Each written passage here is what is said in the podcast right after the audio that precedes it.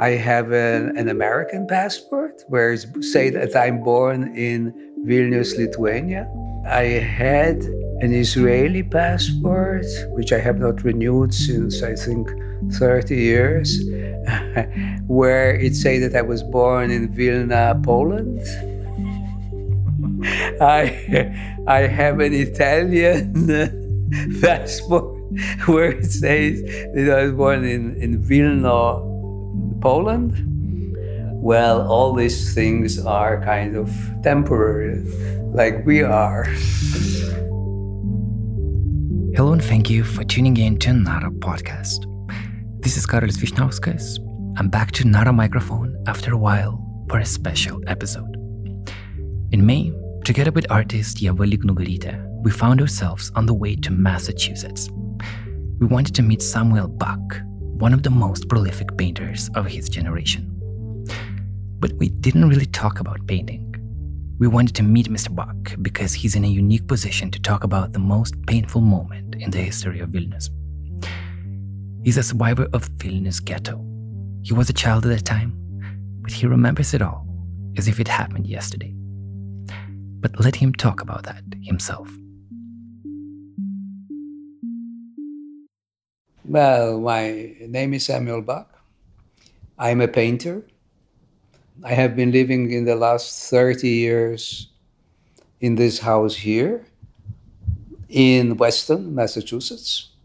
I came here from Switzerland. I lived in Italy, France, but before that, most importantly, I was born in Vilnius in 1933 and uh, left Vilnius in 1945 after the end of the war.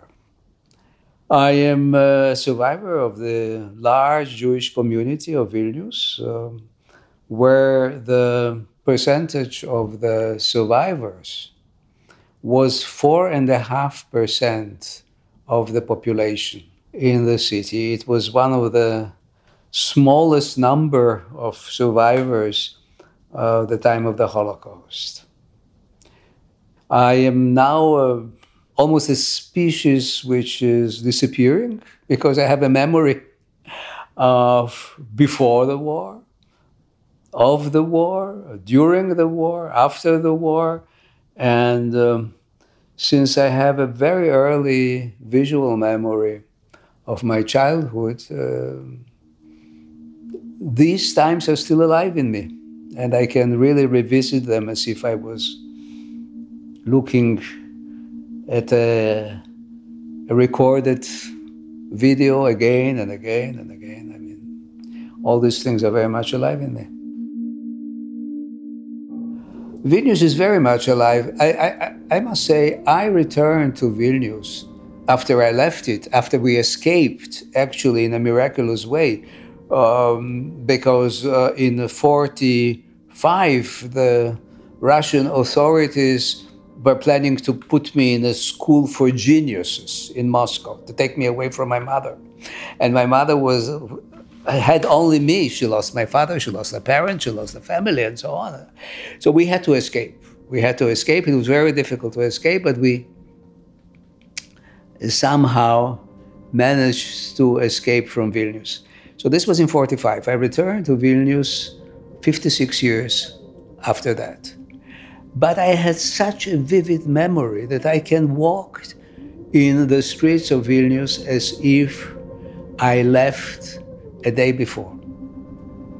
The only thing that changed was, of course, that when I left Vilnius, all the, the, the, the houses were, were covered by bullet holes. Uh, many buildings were burned down. Uh, there were lots of ruins and so on. And the old um, area where there was the ghetto was uh, was partly in rubble and partly very gray and dirty. And now I came to streets that were rebuilt, that were restored, that were painted all kind of pastel colors, very happy colors that never existed in Vilnius before the war, and so on. But I felt I felt very much, very much at home.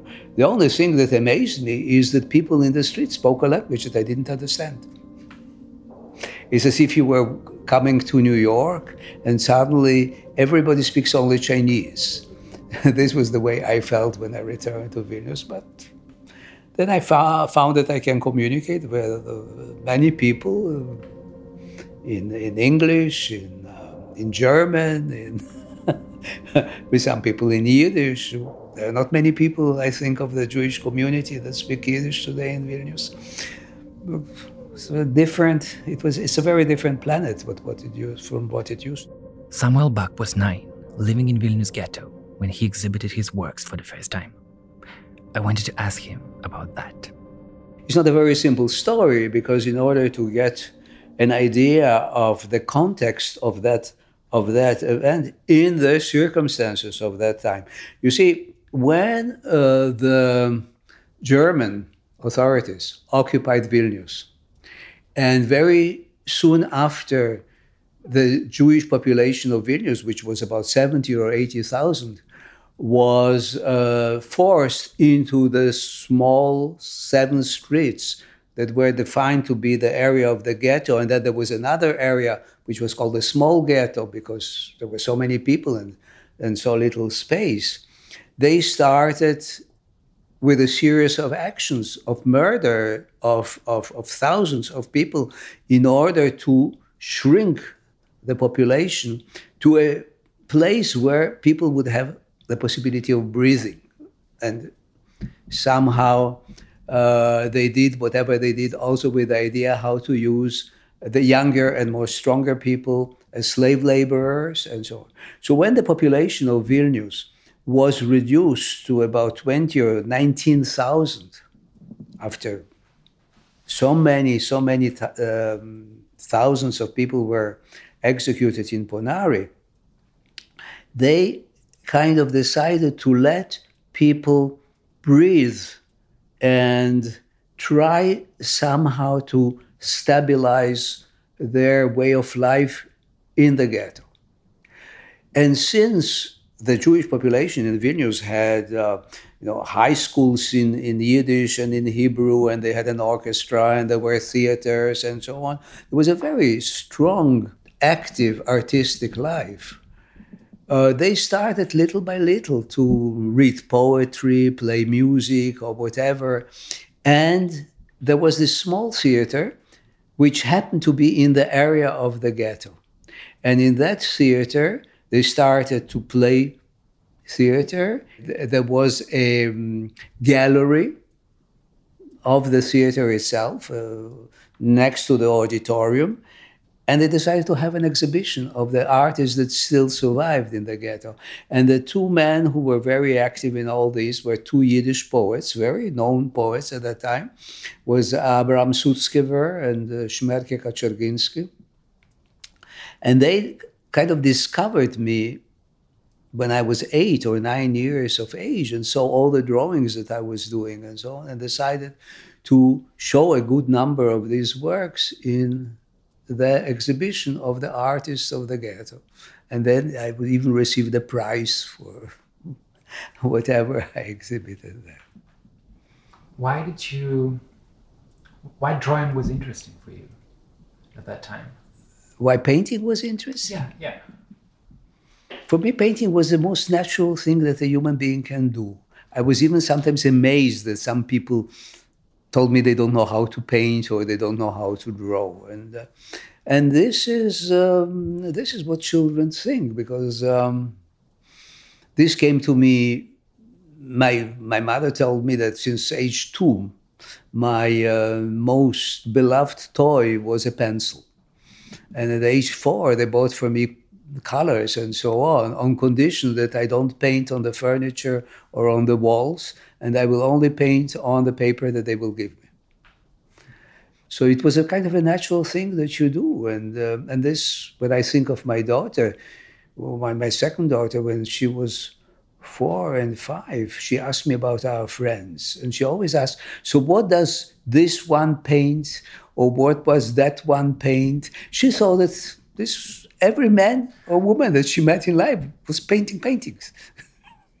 so this is how children see, and this is, and I am trying to remember the memories of that time, not only through what I have elaborated in time, but I'm trying to go back and see see it with the eyes of the child that I was. And, uh, I most probably had a passion for painting with which I was born, and I haven't lost that yet. So it's a great privilege.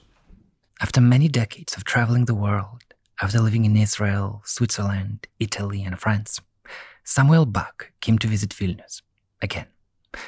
This is how he remembers that time. For many, many years, I never thought that I will have the courage to go back to Vilnius. I thought, well, if I go back to Vilnius, if I'm really in the places where so many horrible things have happened and which I witnessed with my eyes, some of the things, I, why should I go there and scratch an old wound? Uh, And then one day I had a visit here in this house. It must have been about 30 years ago of a man from uh, Vilnius, uh, Rimantas Stankevičius, who uh, was, I think, he was um, a legal advisor in the parliament in Vilnius. And he was uh, making a research on Lithuanians who helped to save Jews. And he made a research on um, uh, Father uh, Stakauskas, on, on Maria Mikulska, and, and Žemaitis, who were three people who really risked their lives in order to save a small group of Jews. And, uh, and we spoke about it. We spoke about those times, and he wanted to hear from me as much as possible because I had still a very living memory in me. And then he asked me a question So, when do you come to Vilnius? I say, I come to Vilnius. And he was a very nice man. And, you know, you meet somebody and suddenly you feel that this really can become a friend. And to me today, he is like a brother. I mean, I mean he's one of my closest friends in the world. And I could not say, no, I'm not coming. So I kind of looked for a pretext. And I said, you know, if I had an exhibition in Vilnius or something like that, then maybe I would travel. And then a couple of weeks later, I received a telephone call from Emanuelis um, uh, Zingeris saying, Well, uh, I'm officially inviting you to have an exhibition in Vilnius and so on. And then I, I, I, said, okay, well, well, I will undertake the trip. And we set up a date in September. But then I told my wife, you know, we cannot go to Vilnius suddenly as VIPs and so on. I want to have a private trip to Vilnius in May and without anybody knowing, incognito, come there to Vilnius and, and see the places and see what I remember is really the way it is and so on. So in May, we traveled to Vilnius, and the Rimantas knew about it. The only problem was that when we, when the aeroplane um, uh, landed in the airport, the people, the travelers were asked to wait, and we were asked to come out, and there were journalists, and there were television, and we were met with flowers, and we were brought to VIP room, and so this whole incognito out. But still, I managed somehow to get up to the hotel and walk and walk and realize that my memory was so alive as if I left only the day before. It was absolutely amazing.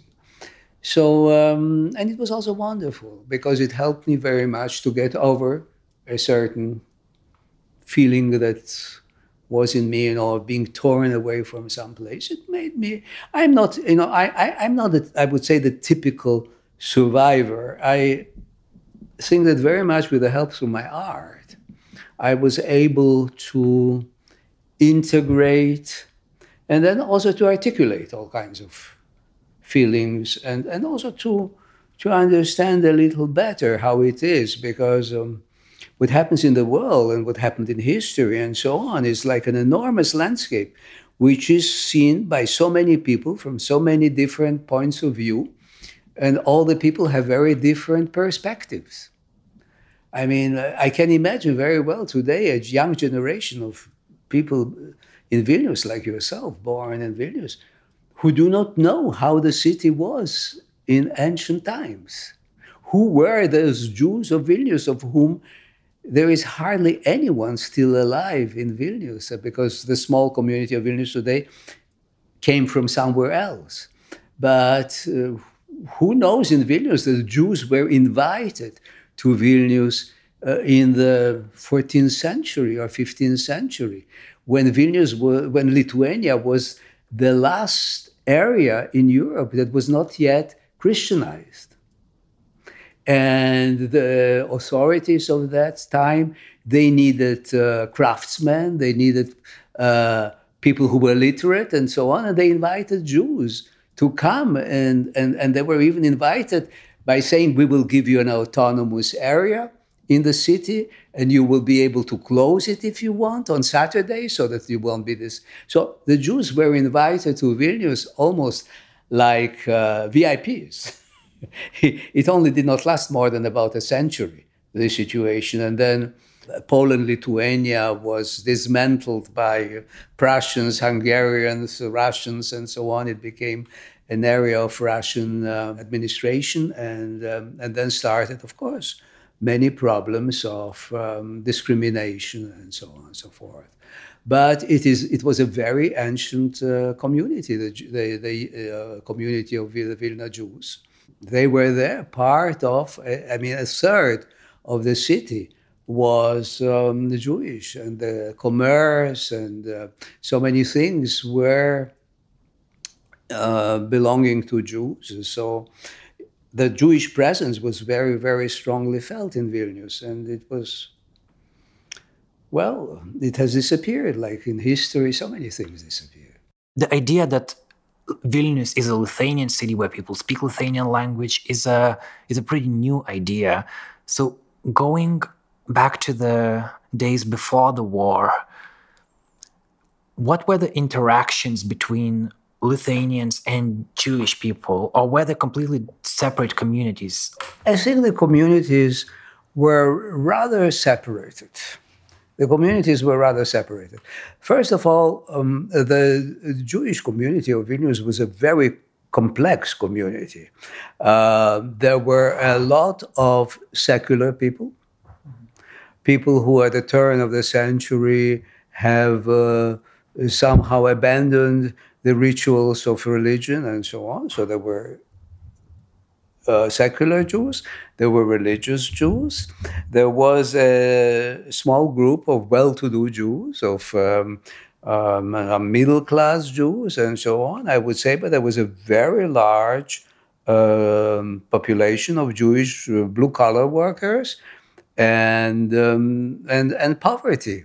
But there was also um, there was a, a, a population of uh, uh, Jewish gangsters, for instance. They, they, were called, they were being called the strong ones, the Starker, and they tried to control the um, uh, the market uh, and so. So it was it was a very kind of human society where you had everything. You had every color of, of human character. And it's important to mention, uh, to highlight that reli- that not everyone was religious. Oh right? no, definitely because not. I think in the contemporary understanding of Jewish Vilnius, you think of the people who are religious and who are like studying Yiddish language, but it's it wasn't like this for everyone. You're, you're very right. I think that there is, you know, the, the, the, it's a very human it's a very human attitude of glorifying and sometimes even sentimentalizing things that one has lost. And you try to make them prettier than they really were, and so on in this sense. And um, as I think I said before, sentimentality is, uh, is, is, is a very uh, bad partner of memory, nostalgia, and so on. They deform they they form uh, memory, uh, and um, it is very. Uh, it is very common here in the States where a musical called Fiddler on the Roof has shaped in people an idea of how were the Jews in Europe. And, um, and they were very different. Uh, to go back to Vilnius, for, I, I, can give you an example. My um, father's father he was a student as well. He was from a relatively mm, middle class family In 1905, he was a socialist. He was a member of the Bund, who were the, in some way, the originators of the Communist Party. And um, uh, when the police came to arrest him after the failure of the revolution, he somehow escaped and by miracle managed to get on a train and, and arrive to Paris. So here is a Jew from Vilna, 1905, who was a socialist. But then when he later, when he returned to Vilnius, he became uh, the owner of a, of a, fashionable salon for um, tailoring for men. And he became the most conservative and, uh, as you say, comme il faut person um, in the world. So, uh, I mean, this is from my own private, personal remembering.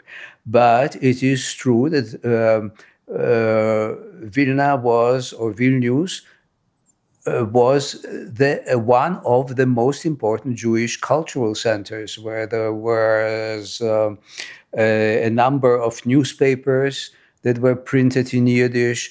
Uh, there were many writers, poets. There was a theater. There were so many aspects of the Jewish life that had nothing to do with the religion or the religious ritual, but they had something to do with the structure of the uh, Jewish ethics. Because when you go to the Bible and you uh, read what is right or what is wrong, and you see that the society is responsible to take care of orphans, the society is, is, responsible to take care of widows, that the society has to pay a certain tax on their income. So these are things of 3,000 years ago, and they have somehow nourished the Jewish ethics. And I think that the Bible, in a certain sense, because the Bible can be read from so many different points of view, has also created this aspiration for social justice. Mm. And social justice is something in which I very much believe. And this is not the reason why I came to live in the United States, because I don't think this is a country where social justice exists. Hmm. But um, I came here because I, I'm a painter. I have to make a living of my painting. but there are lots of things that happen in this country that became my country now, and um, that I don't like. But uh, I simply live like most people in the world. There are very few people who like everything that happens around them. Definitely.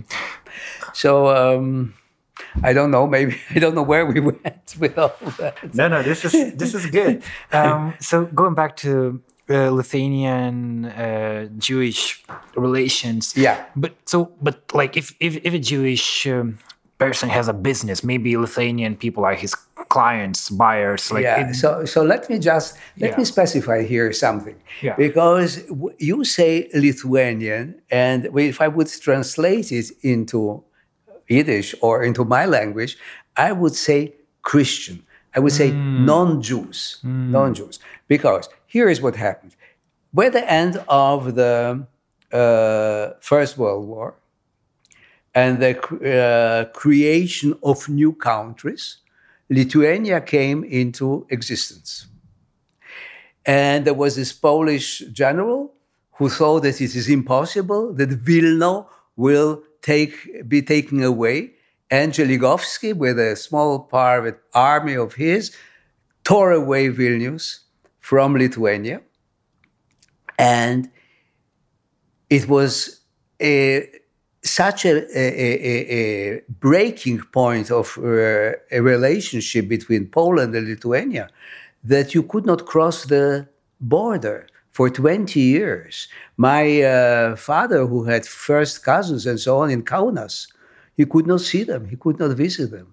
And my grandfather's um, sister, my aunt Janina, uh, who, who lived in Kaunas, when she wanted to see my grandfather, she had to go in 19, I think she came in 1934 or 35, she had to go to Paris from Vilnius and then from Paris with some other documents and so on, go to Vilnius to visit. These 100 kilometers that separate Vilnius, I mean, this was the problem. So I cannot speak today of the Lithuanian Jewish uh, relationship because then I would have to dig into the memory of my stepfather, who was from Kaunas and who spoke Lithuanian and who was very integrated in Kaunas. And there is no doubt that in the community of Jews in Kaunas, the integration between the Lithuanian and the new administration of the state that was created and so on was very different from the, from the one in Vilnius because I didn't even know that there is such a thing as Lithuania or Lithuanians before um, uh, uh, Hitler broke his uh, his agreement with Stalin and attacked and arrived in um, in Vilnius, and um, and then of course this was in thirty, I think in thirty nine, uh, and um, uh, the Russians uh, actually encouraged a certain group in in in, in Vilnius um, to um, push the entire um, electoral power towards the communists, and we don't even know how they uh, created that Lithuania that became a state of uh, of Russia and so on. It's only then that suddenly Lithuanian became a language. And suddenly there were some people that were Lithuanians and so on. And then we discovered that there were Lithuanians, and usually the ones who were Lithuanians were the ones that were most feared. So I don't even know if these were not Poles who told that they were Lithuanians, or what was the difference between Poles and Lithuanians in Vilnius of that time what were the identities in their families, where maybe the father was of uh, Polish origin uh, and, and, and, and, the mother of Lithuanian origin, and maybe they, if they were educated, they spoke Russian because in Russian times that's how you went to school and so on.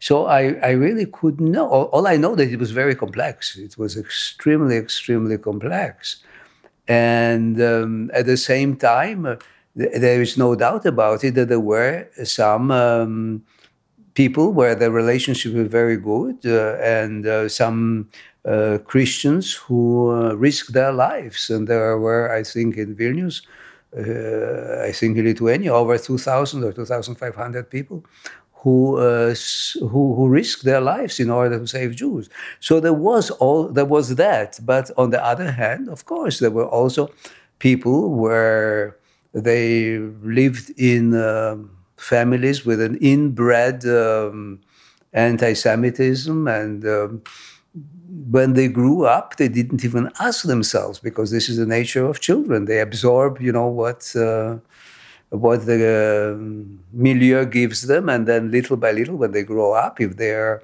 sufficiently bright and start to ask themselves questions, and they say, "Well, all this we were told, maybe there is another aspect to the thing." They start to learn, and then they have they they change somehow the way they think.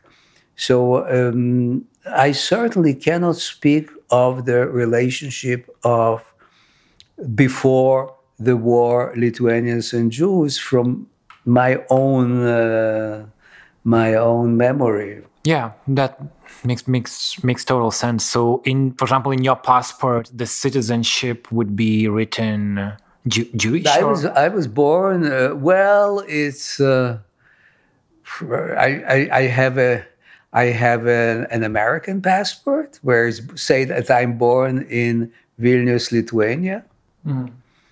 I I had a an Israeli passport, which I have not renewed since I think 30 years, where it say that I was born in Vilna, Poland.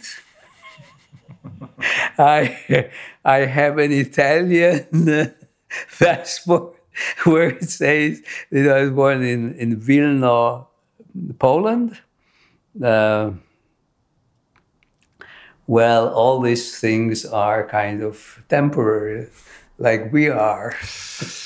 Definitely. Um, uh, going back to the ghetto, and I'm, sorry I'm asking this. You you, you need, needing to come back to the same hard memories, but I'm doing this for the benefit of people who who, who are not able to come to you to Boston and to and so what I'm trying to understand, and uh, I'm curious about your position because when it comes to the Holocaust, when us in Lithuania try to understand that tragedy, usually the narrative that you get is that that Germans came to to Lithuania and they kind of did the job and then there were some bad Lithuanians who helped them but there were like really like tiny number of them. You kind of like none of like let's compare it to the United States society.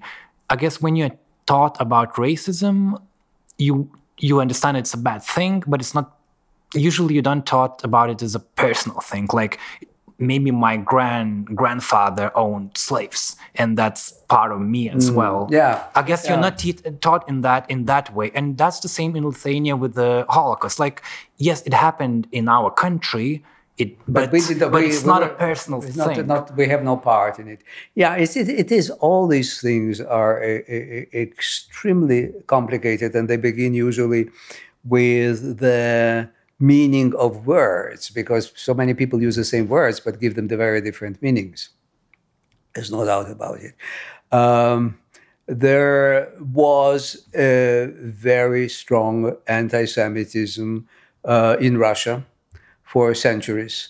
The um, uh, uh, governors and the tsars used very much the very different Jewish population that had a kind of a different religion and so on. When things went badly for him, he uh, said it's all the fault of the Jews. Go and kill them and uh, make pogroms. So I would say that there was a, a kind of uh, settled mentality and vision that wasn't questioned, even uh, in the I would say Christian uh, religion. On top of it, there was absolutely no doubt that the religious extremisms have also kept alive a part of the very complex thing that you call anti-Semitism, and that had that was kind of taking its inspiration from very, very, very different different sources. Uh, so uh, when it comes to what has happened in Lithuania under the Nazi occupation. When you speak of the Holocaust, I think that still in the entire history of the human uh, species, there was not a period in which so much evil and so, so much horror have happened. When you think six million people just killed, a million and a half of children killed just because they were defined as Jews. Even if they came from very, very, very different areas, from very different cultural areas. So, what did the Holocaust teach me personally? It is that it was a kind of a laboratory of human behavior. It was a laboratory to which in which which tells you looking at what is happening that human beings can be apt to do the best and the worst. And it is not because they are born very good or very evil. There is no such thing. But they are brought up in very different ways. And there is no doubt that um, anti Semitism was for centuries ex- exploited by the uh, people who had the means, by the people who had the power, in order to cement it and reject uh, all the accusations against a certain group. And it is also true that today Lithuania has to face uh, enormous problems that come with the discovery of the true picture as seen as the mirror of history.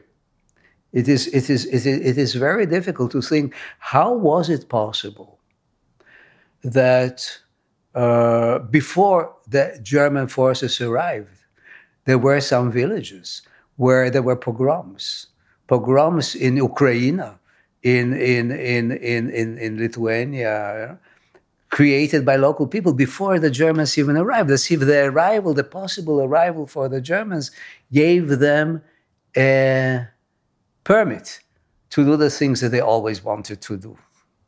And still was not very simple. They had to wait. I mean, at the same time, you can say, when you speak of Poland, for instance, I, I remember after the war, uh, the pogrom of Kutna. This was in 45. I was in Poland with my mother in, in Lodz. And in Kutna, there were about 36 or so survivors who were killed by, by Poles simply because they were Jewish. So, I mean, such extremes happen. Now, when you go back to Lithuania and you know that Lithuania, that was uh, controlled by the Soviet authorities for so many years, and the Soviets tried to evacuate the, the, the Holocaust and the memory of the Holocaust from, from the history of, of, of, their time. And people were not informed and people didn't know anything. And there's a whole generation of people that grew up without knowing what has happened before. And there is no doubt that the Russians had an enormous uh, part in it. But then it asked also for a lot of courage from the Lithuanians who suddenly realized that somebody who was uh, maybe very famous and heroic to fight against the Russians for the Lithuanians was also somebody who killed, uh, by the way, a few Jews. I mean, unfortunately, these are realities, and this is, uh, and you know, and I'm not a historian, and I cannot give you numbers and things, but I know that this is the reality in which we live, and um, and when I when I um, uh, look at the world in which I live through a certain perspective of time, and I, I have lived in Israel, I served in the Israeli army, I wore the uniform of an Israeli soldier. I about 15 years or 18 years of my life were spent in Israel. When I look today at Israel, I can understand Lithuania much better because Israel is also remaking its history in a certain way. And history is very often remade and reconsidered and uh, rethought according to the needs of the present. Hmm. This is how history, I mean, there is nothing that changes more than history. it sounds almost like a paradox, but this is how it is because history is always seen from the point of view of the needs of the present because it is always the present that writes history. Not only the victors write history, yeah. but also the present writes history. We want to see things in a certain way. And it is also true that humans want very much to, to know the truth and know how things are, but it's, it demands a lot of courage to, mm. to see the news. I, um, I uh, have a good friend here. She just now presented her doctorate. Um, uh, in the University of Vilnius and got it. But she fought for that doctorate for years because in the University of Vilnius, there was this attitude that because she is dealing with the problem of the Holocaust and so on, why should we help her? Why should we help her uncover things that we would like to forget? Hmm. So she had enormous difficulties. She somehow managed by the end because the older people who were still very much against this were little, were little disappearing. younger and more courageous people arrived. And this kind of idea of obfuscating the uncomfortable past is maybe losing power and like yourself coming here and asking me questions and so you're a representative of the people who try to find to find the truth or as much of the truth that we can get because every every memory that you hear every opinion that you hear it's always somehow also subjective i mean we we we, we always see things in a certain light even if we look at things and we call it reality. But our, our eyes are not uh, dead cameras. Mm. They are related to a brain that makes its own choices and so on. So it's it's it's it's it's, it's certainly very difficult, but it it allows you also much more when you have this view of things. It allows you to understand. It allows you to understand. It allows you not to be angry with. It keeps you away from uh, a certain, I would say, a, a certain paranoia, which I think is is part of small and unprivileged uh, groups of people. They live, uh, I, I, think there is today such a thing, unfortunately, which I would call a typical Jewish paranoia that has this attitude. They are all against us. They are all against us. So uh, it is shared much more by the older generation of which I don't see myself as a representative in spite of my age. and I think it, it is less by a younger generation. But, um, but a lot of, a lot of uh, difficult things are done not very successfully, in spite of the fact that they are done with very good intentions. Uh, for me, the entire problematic of uh, Israelis versus Palestinians, the problem of one nation that returns to a land from which it was kicked out uh, uh, more than 2,000 years ago, and um, and trying to survive in an area which is very hostile and normally not accepted by the ones who said, "Well, we lived here for hundreds of years," and so on. So so then it becomes a question: Who is stronger? Who who is faster to grab the gun, who can get more ammunition, and so on. So Israel has certainly not solved a very important and moral issue, which is the issue of the huge population of, of the Palestinians. And I would say that what is very prevalent in Israel, in a country created by Jews who, for hundreds, if not for thousands of years, suffered of racism. In order to survive and exist, developed a kind of a racism of their own, a, racism that is born somehow by itself. And, um, and a lot of it comes from, you know, from generalizations. Uh, some 30 years ago, when I decided to move to live in the United States, uh, people in Switzerland were saying, What? You're going to, you are living in Switzerland, you go to a primitive country, the United States. Um, I told them, you know, I've already lived in the United States for three years, and I know that there is no such thing as the United States. There are many states, but they're not very united. And you cannot, there is no, when you generalize, you get it all wrong. When you think of a, a, a, city like Boston and you think of Houston or you think of Dallas or you think of Miami, it is not the same thing. And the people are not the same thing. And I told them, well, I go to a place where I will live in a bubble of uh, uh, professors of the university and people who think like me and, and are open minded. And we are this kind of uh, very fortunate and privileged uh, intellectuals who can believe in a much better world than the world as it is really today.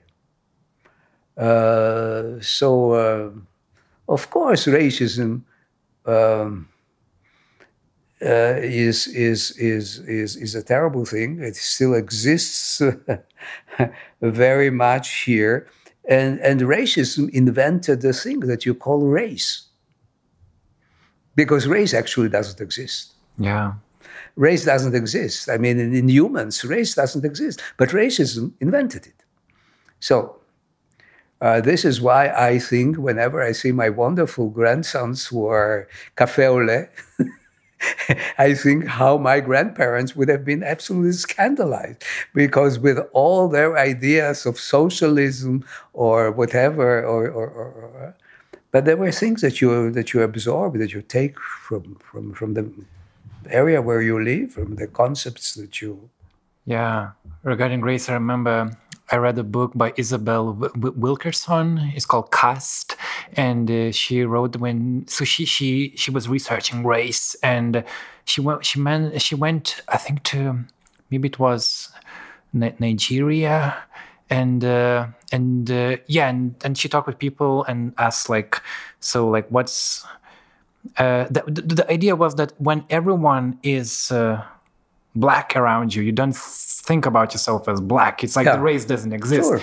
you sure. become a black person like someone from nigeria becomes a black person only when he or she arrives to the United States and is treated as a black person. But yeah. if, if, you are sure. in your own. Uh, country, where it's, it's it's not it's not even a thing. So yeah, that that that opened opened a lot of understanding for me. So one thing I'm I'm really again I'm trying to understand is that like talking to you now, I see that you really you you don't get a sense of you don't hold kind of anger in you, which which you would, if you would, that would be completely understandable. And I, that's the similar feeling that I got when I interviewed Irena Veisaitė. She was just like, I don't know how she went. She she reached that point, but she wasn't angry at like Lithuanians. She wasn't angry at Germans, even though she lost family, her family because of of people from those countries. And like in your case, your father died during the Holocaust. Yeah, right. Your grandparents died. I don't know. Maybe you. I don't know if you know who. My best friend, my best friend, uh, Samek, who was my age, was uh, was shot by, uh, by by by by German or Lithuanian police uh, just because they discovered uh, him hiding with his nanny. He was um, seven years old and he was shot and left uh, losing all his blood on the staircase to, to, to, to, to scare the neighbors of the house. If ever they had a Jewish child hidden with them, they should uh, get rid of it. Okay, so you, with all that history, you go to Vilnius in 2001 and you know that this is the place, this is the children of people who maybe killed my friend or my family. Like even us coming here to your place are they responsible for what their parents did so uh, that's that's the question are they are they responsible certainly not certainly not they're certainly not on the contrary i mean I, I was i was very moved by the fact that there is a generation of people in Lithuania today. I don't know how much they represent the majority, and I can imagine that in terms of their uh, popular appeal and so on, this might also for them sometimes cause uh, problems. But my encounter with uh, the people in um, in Vilnius was incredibly positive. I uh, the creation of the Bak Museum, the um, uh, bringing of my exhibitions, the um, the fact that there is a younger generation that starts to ask questions that wants to understand what has happened and so on. On the contrary, I think that all this gives me a sense that it is my duty to be as helpful as I can. And um, even believe me, uh, it is not uh, a very pleasurable thing for me to speak of the Holocaust, of my past, and so on, because inevitably, even with uh, this kind of air that I can uh, convey to you of looking at it philosophically and so on. There certainly is an inner pain, and there will be some nightmares that maybe I will get this night because I let things go up to a more conscious level. But on the other hand, I think it is absolutely my duty to help not to let such horrors happen again. And I think that if such horrors happen, they happen because of prejudice, because of uh, misinformation, because of um, uh, very often, I think, also because of religion, uh, because religion gives a certain definite truth to a, to a certain group and a very different definite truth to another group and a third definite truth and and, and the moment there is no rationality in speaking about all these things, then inevitably it comes to a, a very um, aggressive and, and, and, and, dangerous level of um, interaction. So um, I, I, I think I'm trying to do whatever I can to help, to speak, to and and um, and I admire the people that have the courage to do these things. So mm. Mm. I don't think that there is. Uh, and if I told you before that um, uh, my my friend in Vilnius, Rimantas, is for me like a brother, and um, and he was uh, born after the war, and he studied in a school on um, on on Vilnius Gatvė, not far from the uh, from the um, from the church of Saint Catherine. And he was seeing from his class, he was looking there at a big field where for some time it belonged to the church, but there were buildings there and so on. It was a bombed area and so on. And he knew something that he heard something that there were people hiding in that convent and so on. And when he grew up later, he started to research the things more and he, and uh, and he created in the uh, courtyard of that convent of, uh, of the Church of Saint Catherine that was a big Benedictine convent he created there a bronze commemorative plate for the three people that were the heroes mm. uh, that helped to save me. And um, I think these are extraordinary things. And, uh, and yeah. today, the, all, the, all the people that I was in touch with, uh, that I'm in touch with at the Vilnius Museum and so on, they're all, I feel that they're doing a good job and they're doing whatever they can. It's good to good to hear that. Uh, thank you, Samuel. This was really. Um, I'm glad to bring that to the people who will listen, and uh, I will definitely recommend your book. I don't want. I know that there's a lot of already you already told in. There's the a lot of uh, funny stuff in that book. Um, um, can, can you share some something? Some.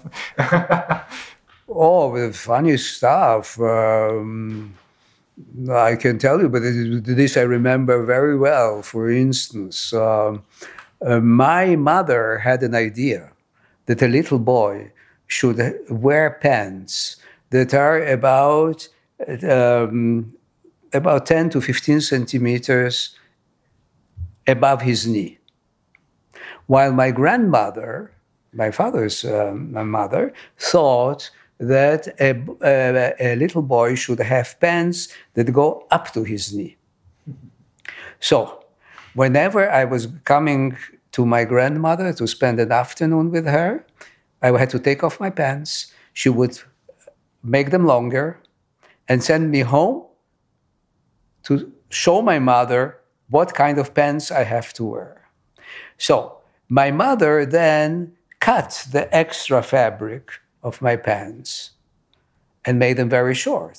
And then when she sent me to my grandmother, my grandmother added the length of my pants with some other fabric, sometimes of her dresses and so on. So I was into the war of how long should a boy's pants be uh, between my mother and my grandmother. And I was embarrassed to walk, sometimes in the street, holding on to, to the hand of Ksenia, our cook, with these pens, and people were looking, what is this boy here having strange pens with additions of colors or whatever? So, um, one of the happy memories of my childhood. So, how did you want to wear your pants? I didn't know how my how my pants should be. These were historical decisions made by my grandmother and my mother who never spoke about it because they between themselves they did not want to quarrel so they did not speak about the length of my pants. They only shortened them and made them longer in all kinds of ways that they could control. Oh that's funny. Thank you samuel. So this is one of the stories of my book among other things. The book that samuel bak is referring to is called Painted in Words. It's his memoir released in 2001. I encourage you to read it. It's a unique document of Jewish life in Vilnius, and it's beautifully written. We left Weston, Massachusetts with the interview and also with the photos. You can see them at NaraLT and our Instagram at Nara Journalistica. The photos are taken by Yeva Liknugarita, an artist and our podcast friend based in New York. I want to thank Vilnius city government who helped organize this interview for their 700 years of Vilnius initiative. And also to Pucker Gallery in Boston for giving us books by Samuel Bak to learn more about the painter's life. This episode is partially funded by Active Citizens Fund and also by you, our listeners. Contribee.com slash Nara, that is our address to support Nara journalism. Once again, contribee.com slash Nara. The music for this episode is composed by Martinas Gailus, and our audio engineer is Adomas Sube. My name is Karolis Vyšniauskas. Let's meet again soon.